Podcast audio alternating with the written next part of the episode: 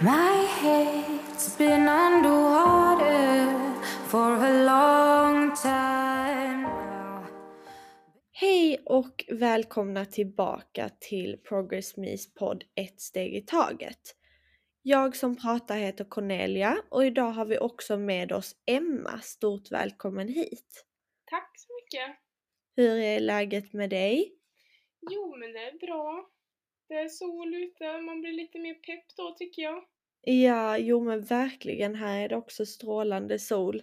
Så man får väl gå ut och ta en liten promenad eller något. Ja, verkligen njuta av det. Ja, var bor du någonstans? Mm, jag bor i Värmland, i en Värmland? ort som heter Sunne. Okej, Sunne. Hmm. Jag känner igen det faktiskt. Ja, det, alltså det är inte så stort, det är väl några mil utanför Karlstad. Är det. Nej. Nej, jag tänkte om det var någon serie eller så som har spelats in där. Mm, Någon speciell. Gud, Nej. vet jag inte. Nej, jag vet inte heller. Men ehm, i alla fall, du är ju en av våra ambassadörer. Ja. Eh, och jag tänkte om du ville berätta lite om, eh, om hur det känns och eh, vad du eh, liksom, berätta lite om hur du ser på ambassadörskapet. Mm, jag tycker det är jättekul, verkligen. Eh, jag tycker att eh, alltså fler borde ta del av alltså hur, hur det är att lida av psykisk ohälsa, känna att man får alltså hjälp och stöttning eh, av oss som är ambassadörer och er. Mm. Eh, ja, men, ja. Eh, jag tänkte ju att, eller vi tänkte helt enkelt att vi ska prata lite om högtider idag eftersom att det ju börjar närma sig påsken som ju är en högtid som många firar. Och jag tänker att det kanske inte är så roligt för alla som det, som det låter. Påsken är ju liksom, kan ju vara en jobbig tid medans för vissa är det något jättekul. Men jag tror att påsken och alla sorters högtider kan bidra till både stress och press. Vad tror du? Ja, alltså det tycker jag verkligen. Ehm, alltså genom mina år och när jag varit sjuk och så, då har jag verkligen känt att det har varit stress och press och man vet inte hur, ja men hur kommer det se ut med maten och liksom. Ja Mm, men det har gett väldigt många oroskänslor och tankar hos mig i alla fall. mm, Eh, så absolut, det tror jag verkligen. Och det kvittar om det egentligen är påsk eller om det är midsommar eller jul. Det har alltid varit en stress inför högtider, tycker jag. mm, mm. Eh, Och eh, du själv har lidit av en ätstörning. Vill du berätta lite om, om vad du har gått igenom? eh, ja det kan jag göra. Ehm, jag har ju varit sjuk, eller jag fick eh, diagnosen när jag, anorexia eh, när jag gick i sjuan, i början av sjuan. Mm, Eh, Men jag kan ju se att jag hade tendenser av sjukdomen, alltså flera år tidigare egentligen. Eller att det Ja. började byggas på, kan man ju säga. mm, Eh, Jag skulle säga att eh, alltså man kämpar ju fortfarande med alla tankar och beteenden och verkligen känna efter själv, gör jag det här i rätt syfte? mm, Eh, Så det är ju fortfarande tankar som man inte ska agera på. Det är ju så det fungerar liksom. Eh, Så precis. jag har ju varit i behandling under många år. Ja. Eh, Och hur gammal är du idag? eh, Idag är jag 21. Jag fyller 22 nu i april. Ja. Eh, Så att, ja. Det har varit en hel del år man har kastat bort på det här. Ja. Usch ja. Men jag försöker ändå inte se det som något negativt för att jag har ju blivit en person utav det här. Jag har lärt mig mycket och då är det, om jag ser det ur ett positivt perspektiv. Jag känner att jag har ju vuxit i mig själv, jag har ju lärt mig mer om mig själv ändå. Eh, Mm. Mina gränser och ja, ändå lärt mig mer om, om, om mitt värde tycker jag. Precis. Men är det så att du kan hantera sjukdomen idag eller känner du dig fortfarande liksom väldigt illa av eh, sjukdomen? Ehm, jag skulle säga, jag är, känner ju fortfarande av det och så. Jag, jag kämpar ju dagligen, eller jag jobbar ju verkligen varje dag med att alltså vända mm, mitt tankesätt och att inte sjukdomen ska ta över. Så jag skulle inte säga att jag är helt frisk. Mm, Eh, men för att jag tror ändå att det tar väldigt lång tid. Det är möjligt att bli frisk, det vet jag. Och det känner jag ändå hos mig själv också. Men mm, att det är ju ett dagligt jobb med det. precis. Jo men det är det ju verkligen. Och det, jag har själv också gått igenom en ätstörning som jag är frisk från idag. Ja, Men att eh, det är ju verkligen något som man får kämpa med liksom dag in och dag ut. ja, För att ja, men, slutligen kanske ha mm, övervunnit de här liksom hjärnspökena som, som tar över en själv. ja men precis. Mm. Men då vet du ju verkligen när man pratar just om det här med högtider och påsk då, hur, hur det känns eh, att vara en person i, som har en ätstörning under dessa eh, högtider eller situationer. Eh, och jag tänker om du, hur tänker du att det liksom på, alltså främst påverkar en eh, person med en ätstörning? Mm, jag har alltid känt att alltså, så fort jag hör högtid och mat så har det varit, det har gått ett rus genom kroppen och jag har blivit stressad. Fast man vet, jag kan inte sätta fingret på ibland vad det är som gör att jag blir så stressad utan det är bara, känslan kommer ju upp direkt. Men Ja. det har ju ändå med maten att göra och att man känner att man har varit, eller att man är, man kan inte kontrollera situationen med maten och allt folk som är runt omkring och att Ja, men högtider har ju mycket med mat och gemenskap att göra. Ehm, Precis. Nej men eh, för att jag tänker själv på det, för du som du beskrev det innan så har du har ju haft anorexi. Eh, till skillnad från mig som har haft bulimi. mm, Eh, och där tror jag också att det är lite en, en skillnad från eh, i högtider hur liksom hur det känns på olika sätt eh, beroende på liksom vilken ätstörning man har. Sen Ja. tror jag att det är jobbigt för alla oavsett psykisk ohälsa eller ätstörning liksom. Eh, men för mig så var det så jobbigt för att allt, det var liksom jag kände ju mig tvingad att äta och jag åt allt men jag åt alldeles för mycket. ja, Och sen så fick jag ångest och så kompenserade jag. ja, Och därför var högtider något som jag verkligen inte såg fram emot mm, under dessa åren eftersom att det handlade bara om mat och för mig så var mat något av min värsta fiende liksom.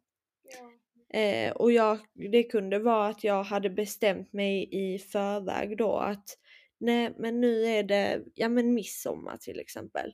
Och nu ska jag bara hålla mig till vissa grejer så jag ska inte, eh, jag ska bara ta en portion och jag ska inte ta av alla godsaker liksom.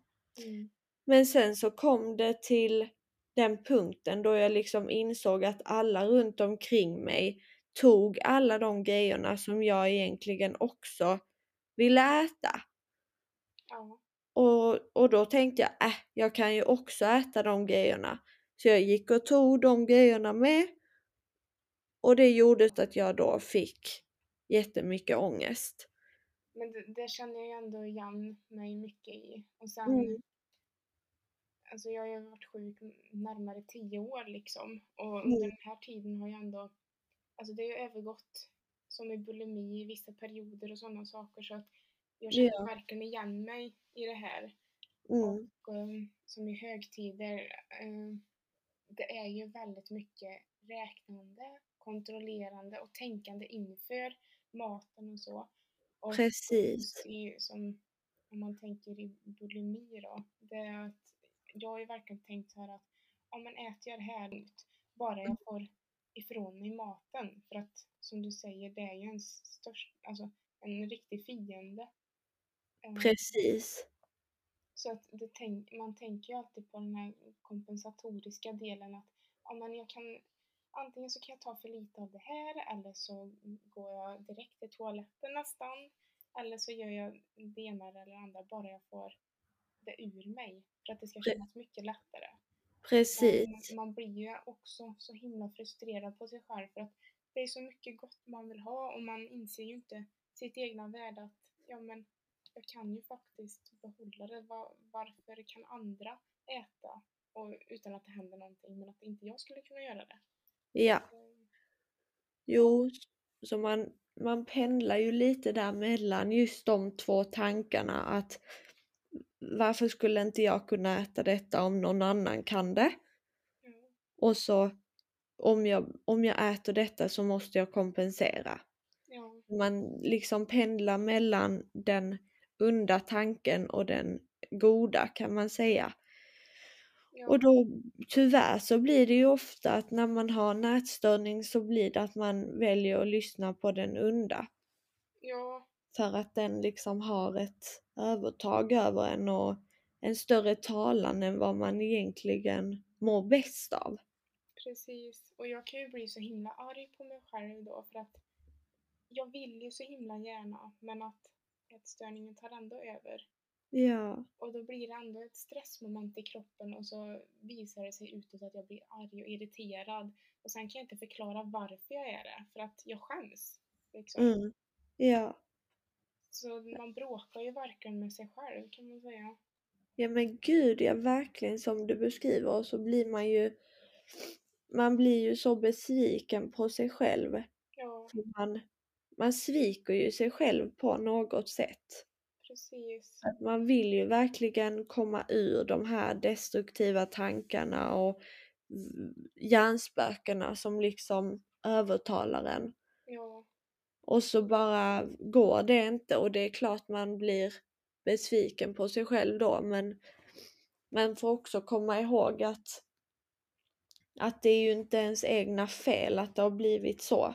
Mm, Utan man får bara försöka att inse att det kommer bli bra men att det liksom krävs mycket jobb och tid och ja. Alltså i sådana situationer när det är någonting som är jobbigt så försöker jag ändå zooma ut liksom från själva tanken och se vad, men vad är det som utlöser att jag känner och ser på det här sättet nu. Kan jag Mm. ändra tanken? Eh, och liksom få en helt annan känsla kring den.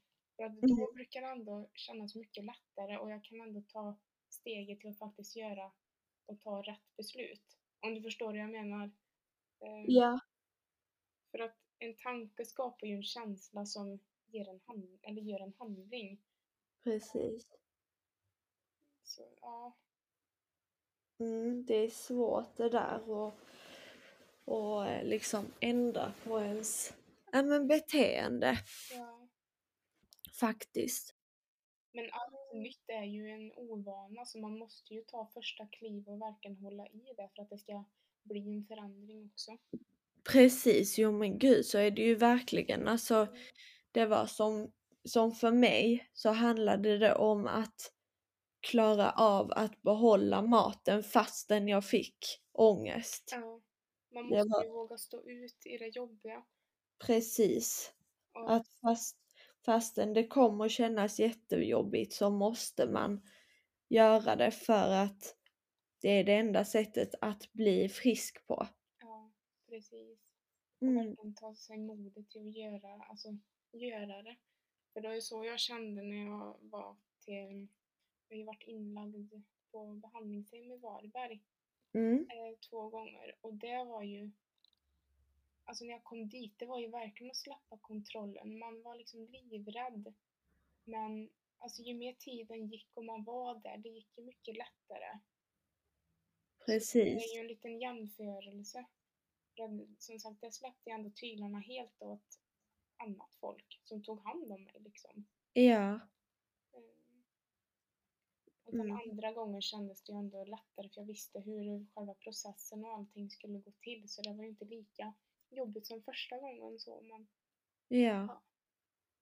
Ja, Jag förstår det helt. Jag har själv inte varit inlagd så jag vet faktiskt inte. Men jag kan förstå att det känns eh, såklart jättejobbigt och för att man i ens sjukdom så är man ju, har man ju jättemycket kontrollbehov. Det är ju lite det som sjukdomen inte går ut på men sjukdomen består ju lite av att man har så mycket kontrollbehov att det går överstyr liksom. ja. Eh, och att då släppa på det och låta någon annan bestämma och liksom komma med punkt och pricka vad man ska och, och inte ska göra.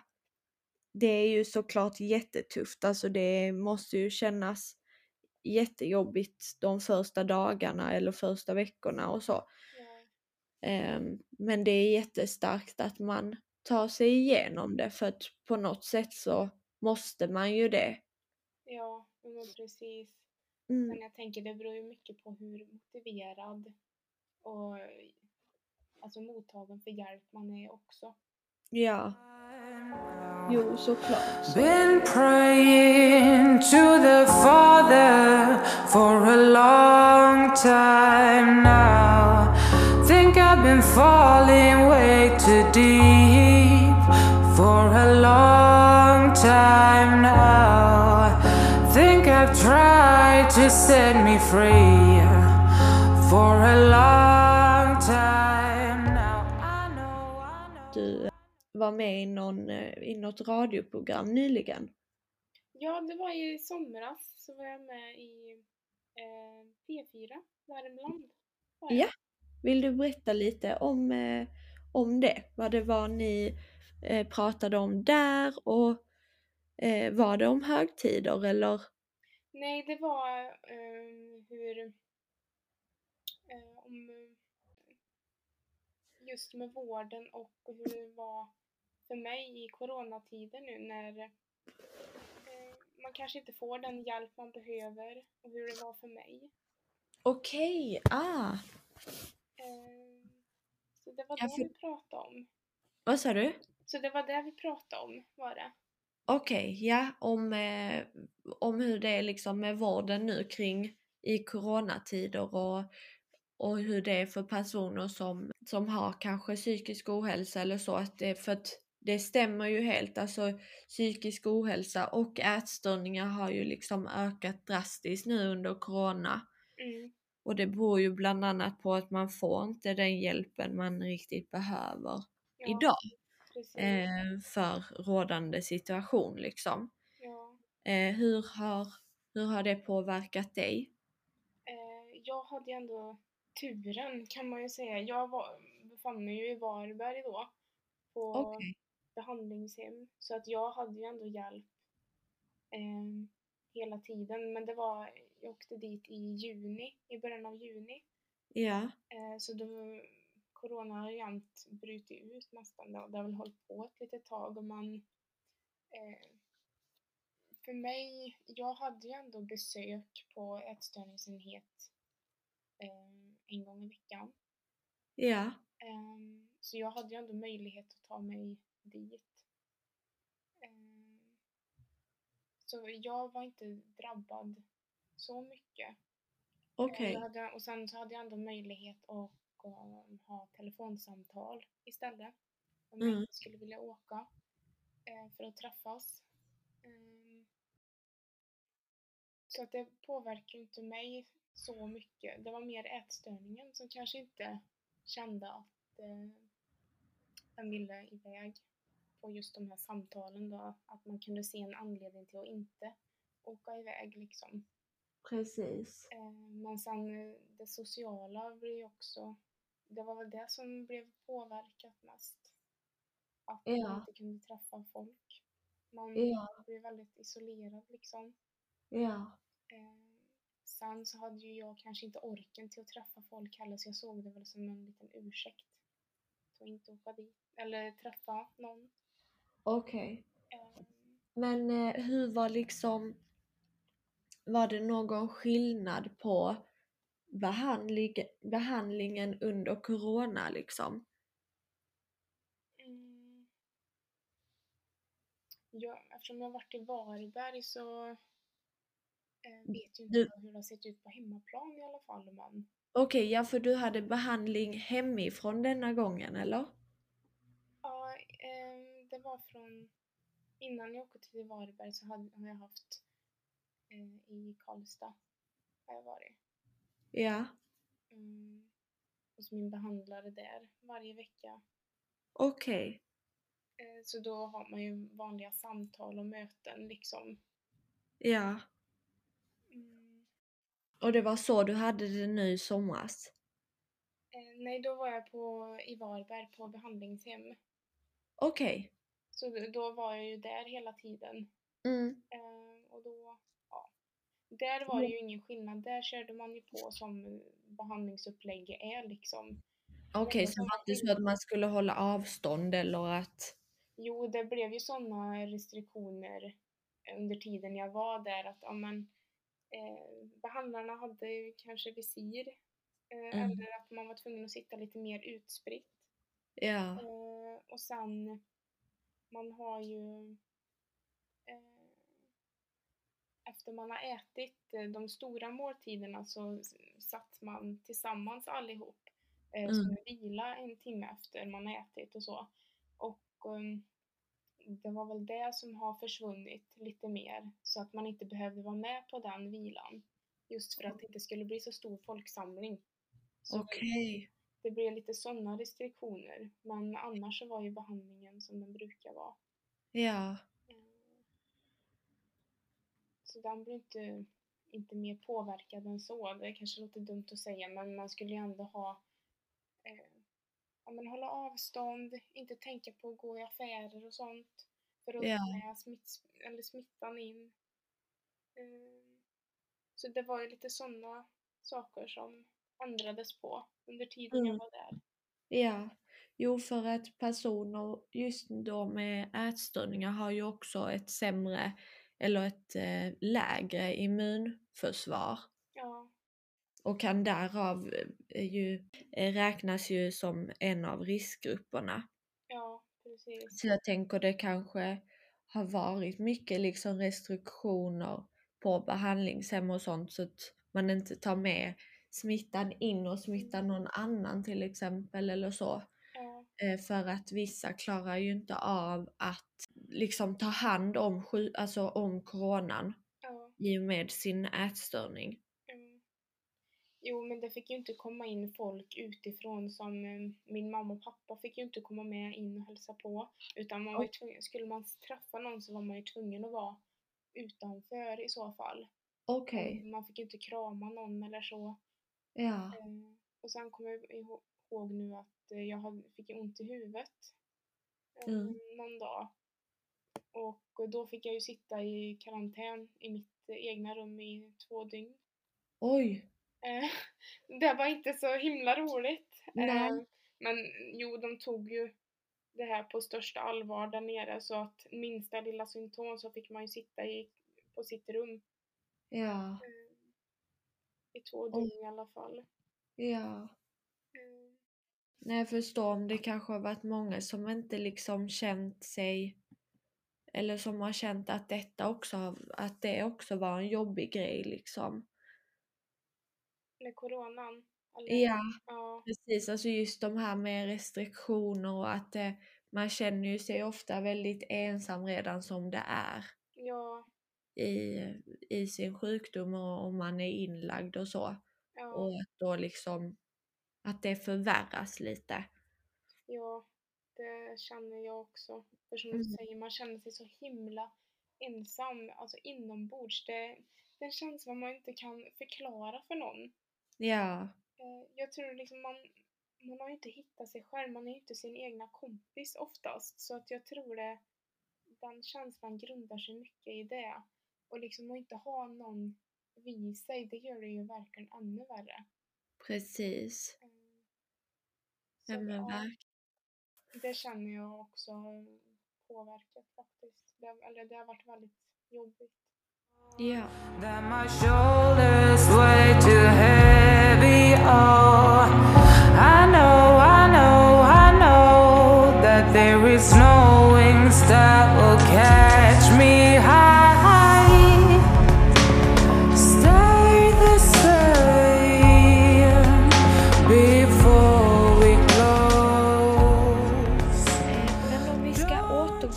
Lite till högtider och eh, påsken. Eh, så undrar jag om du kanske skulle kunna ge något tips till någon annan som är drabbad eller så på ditt bästa sätt kanske hur du hanterar påsken eller högtider om du känner att du kommer in i den här stressade situationen eller liksom mår dåligt av att det är en högtid. Finns det något sätt som du kan hantera det på eller ha något tips kring hur man ska tänka eller så? Eh, Jag kan ju tycka att det känns bra att prata med någon eh, som man känner sig trygg med och som Mm. förstår en liksom. Vad man tycker är jobbigt. Eh, kanske kan hitta någon lösning tillsammans eller bara att man vill lätta på hjärtat lite. Ja, Eh, att man inte går och mal de här tankarna och känslorna själv inom sig. Eh, Det tycker jag är ganska skönt. Eh, Annars är det liksom att ja, men blicka utåt och se vad är det för situation, varför är det jobbigt? Det är liksom mat. Eh, Det är som vilken annan måltid som helst egentligen. Mat måste vi ha för att orka. Eh, precis vi lever bara en gång. Alltså vi ska ju njuta av livet egentligen. Ja, Alltså det är inte värt att alltså, neka sig själv allt det goda och roliga i livet egentligen. mm, Eh, Alltså vad tjänar vi på det? Alltså mm, verkligen blicka inåt och se, ja men vad mår jag bra av här och nu? Eh, Alltså påsk, det är roligt. Det är väl jättemysigt liksom. precis. Mm.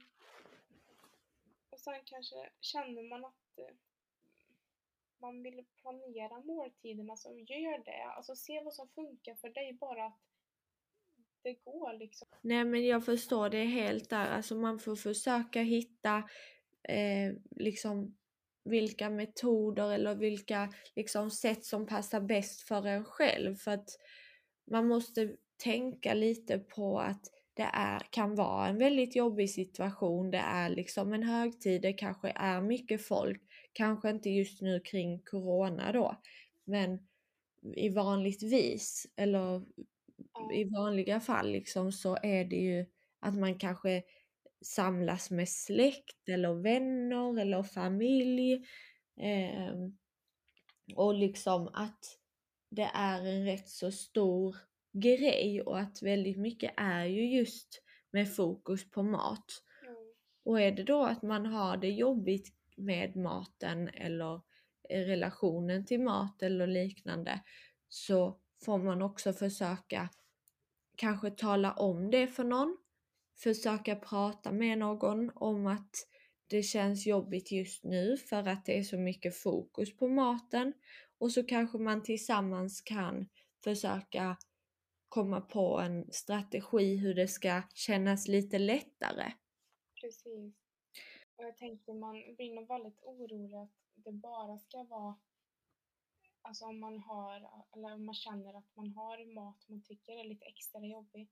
Alltså man ska Mm. ändå försöka tänka att det här är en måltid, alltså en gång om året nästan. Precis. Tänk liksom på hur många måltider man faktiskt äter under ett år. På en Ja. vecka bara. Ja. Eh, Försöka kanske normalisera det lite mer. Att det behöver inte kännas som att det är en högtid och att det är jobbigt utan försöka mer se det som en vanlig måltid. Bara att det är lite mer folk och lite ro roligare stämning. Och ja, försöka se de andra grejerna med då till, ex, eh, till exempel påsk, att det finns att det håller på att bli vår och sommar. Vi går mot ljusare tider Ja, och det är liksom eh, man kanske kan fokusera på påskpynta lite fint eh, precis. så att man har tankarna på andra sätt. Försöker liksom hitta det positiva i påsken och högtider istället för att bara tänka att allt fokus ligger på maten. Ja, för jag tror det stressar ju verkligen upp en ännu mer om man bara lägger allt fokus som på maten. Mm, Och jag menar, alltså har man någon i närheten så kan man ju säga att ja men vi kan ju hitta på någonting jämt, alltså efter vi har ätit så har man någonting att se fram emot så man kan släppa tanken på mat att oj nu har jag ätit det här. För att gör man ingenting efteråt då är det så himla lätt att hamna i de här tankarna som bara mals och mals och mals och skapar en stresskänsla inom en. Så att ja, man börjar fokusera på något annat direkt om man tycker det är väldigt jobbigt. ja. Eh, Ja men det, man kan gå på en liten promenad med, med de andra som också har varit med. Eller man kan eh, spela spel eller man kan leta påskägg eller man kan måla påsk, eh, sådana påskägg eller pynta lite eller göra något pyssel eller eh, ja, det finns ju så mycket att göra som- som faktiskt kan distrahera ens tankar kring fokuset på mat. Ja men precis. Mm.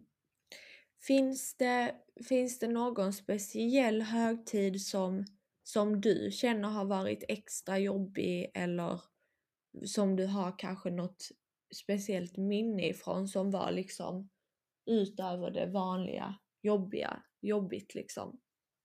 Eh, jag har nog alltid tyckt att eh, julen har varit det jobbigaste faktiskt. Det Ja, var bara för att julen är, den är så himla långdragen. precis. Man kan ju säga att den börjar ju nästan redan i ja, men november Mm. faktiskt. Eh, för att, och då tänker jag det är mycket så förberedelser. Alltså jag älskar verkligen julen. Jag är en riktig julmänniska egentligen. Ja, Eh, men det är just också det att det blir så mycket fokus kring maten och så. Liksom att man börjar ba- julbaka. Ja, men redan i november kanske. mm, Eh, och att det, ska, det är advent, adventsfika, det är mycket sånt. Eh, precis. och sen även att jul, julen drar sig ändå efter själva julafton också så att eh, det är ju nyår bara en vecka efter jul också. Ja, Att, eh, ja, men för mig har det varit som att julen är nästan i två månader. ja. Jo men jag håller faktiskt med dig helt där för att jag vet att jag, jag har alltid älskat julen. Och under då de åren som jag var sjuk så var julen jättejobbig för att som du säger så var det väldigt mycket fokus under en väldigt lång tid på det var julbak och det var julskinka och det var eh, adventsfikor och det var eh, nyår och det var annan jul och, eller vad det nu heter, eh, annandagen och alltså liksom allt sånt och det höll på så länge att det var så många gånger som man antingen kände att man fick tacka nej eller att det gick överstyr liksom. ja, precis. Men jag är så otroligt glad över att älska högtider igen för jag har verkligen kommit över det steget. Ja, Typ som nu är julen något som jag verkligen ser fram emot och samma med midsommar och påsken och, och så vidare för att jag verkligen har tagit mig över den tröskeln när jag tycker det är jobbigt och det är så otroligt skönt liksom. Hur, har, hur tänker du kring, eller hur har du ändrat ditt tankesätt kring just det? Ja, alltså för mig handlade det om att jag ville verkligen inte vara sjuk. Eh, och jag gjorde, försökte göra allt som allt som liksom gick emot att vara sjuk. Och det började väl med att jag, ja, men jag fick börja jobba med att hantera ångesten kring när jag hade ätit någonting att det var inte farligt. mm, Eh, och sen började jag acceptera mer och mer liksom livsmedel var och en för sig.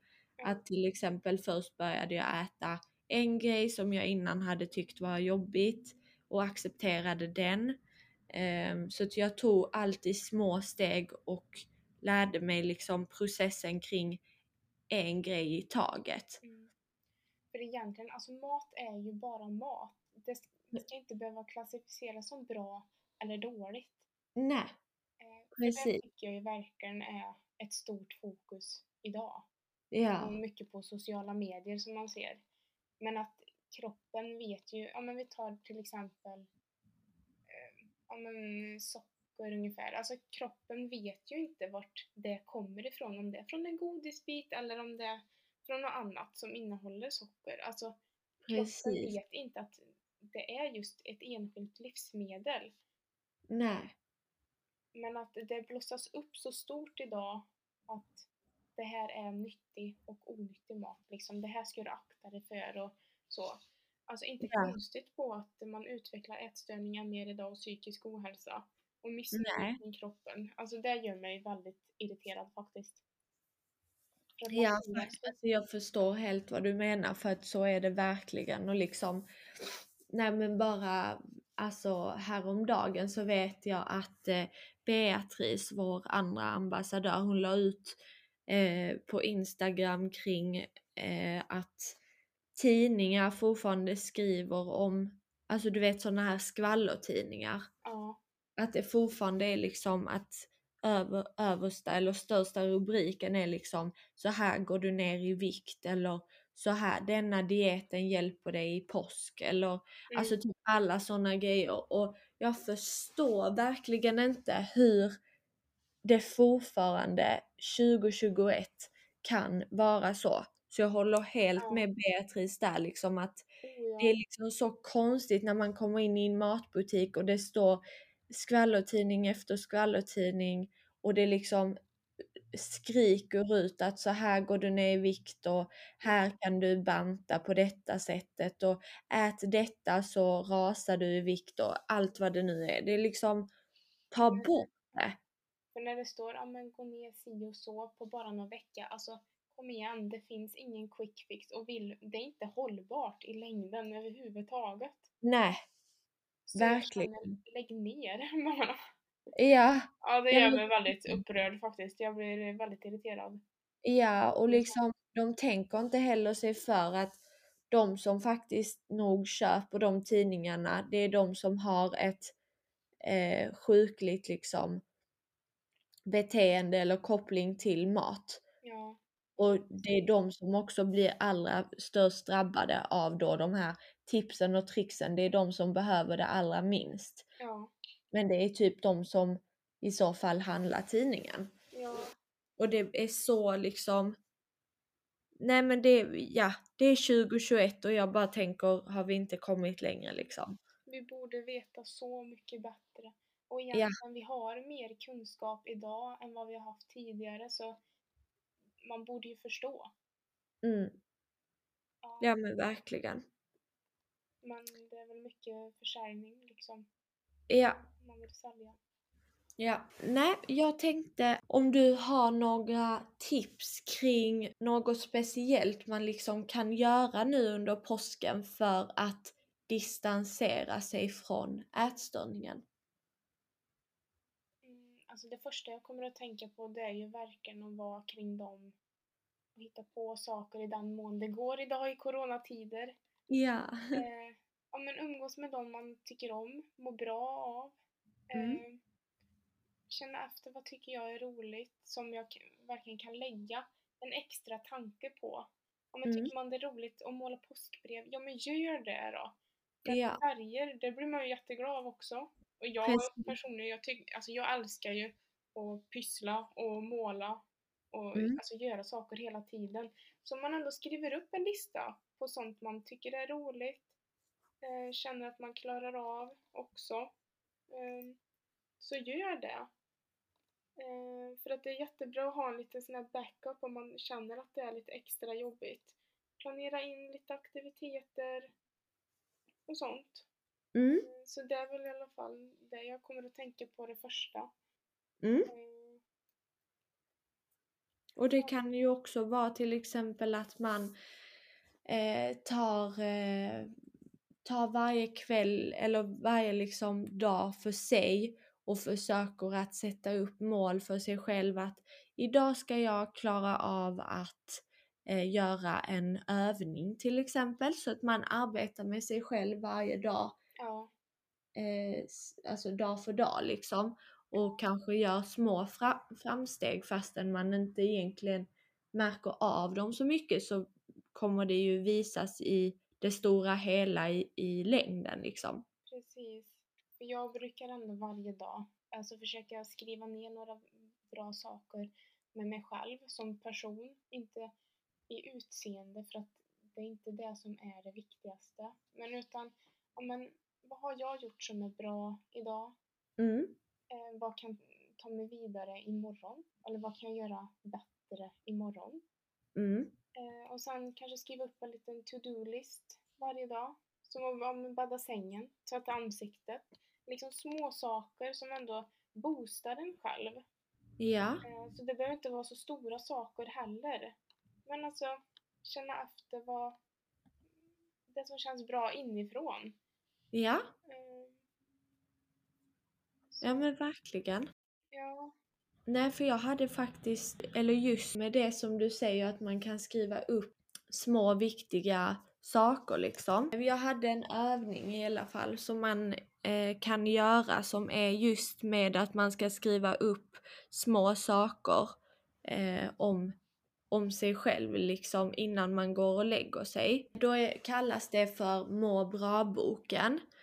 Eh, och då gör, avslutar man varje kväll genom att skriva ner eh, något som man har, något som har varit mindre bra idag, något som har varit bra idag, något som man är glad för idag och något som man längtar efter idag.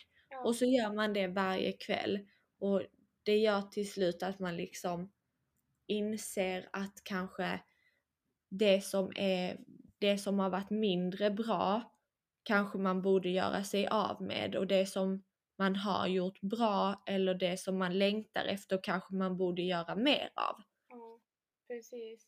Och jag tänker också, ju mer man gör det här desto mer, alltså det blir ju verkligen en vana så man hamnar ju i det här tankemönstret också.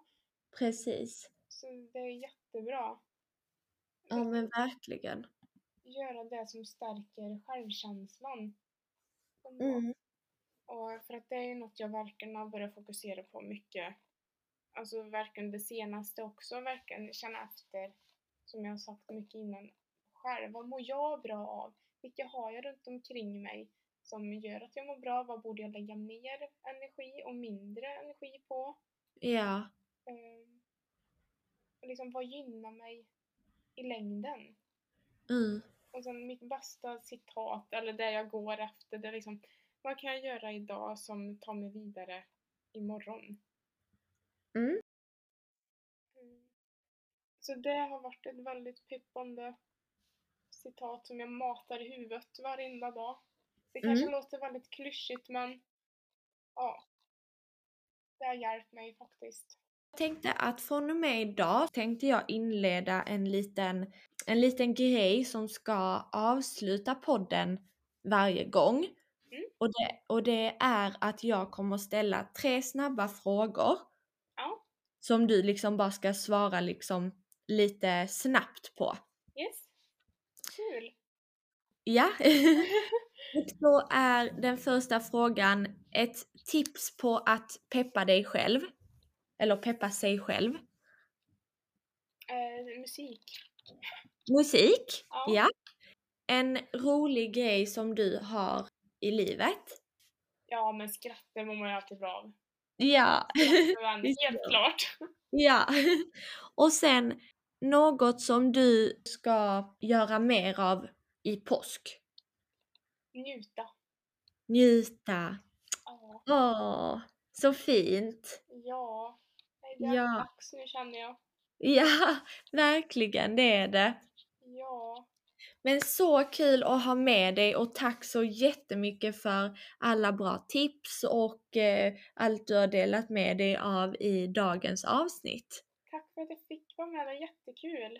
Ja, och så hörs vi och är det så att någon undrar vem Emma är eller så, så är det bara att skriva till oss för hon är ju en av våra ambassadörer så det går jättebra eh, att prata eller skriva med Emma när som.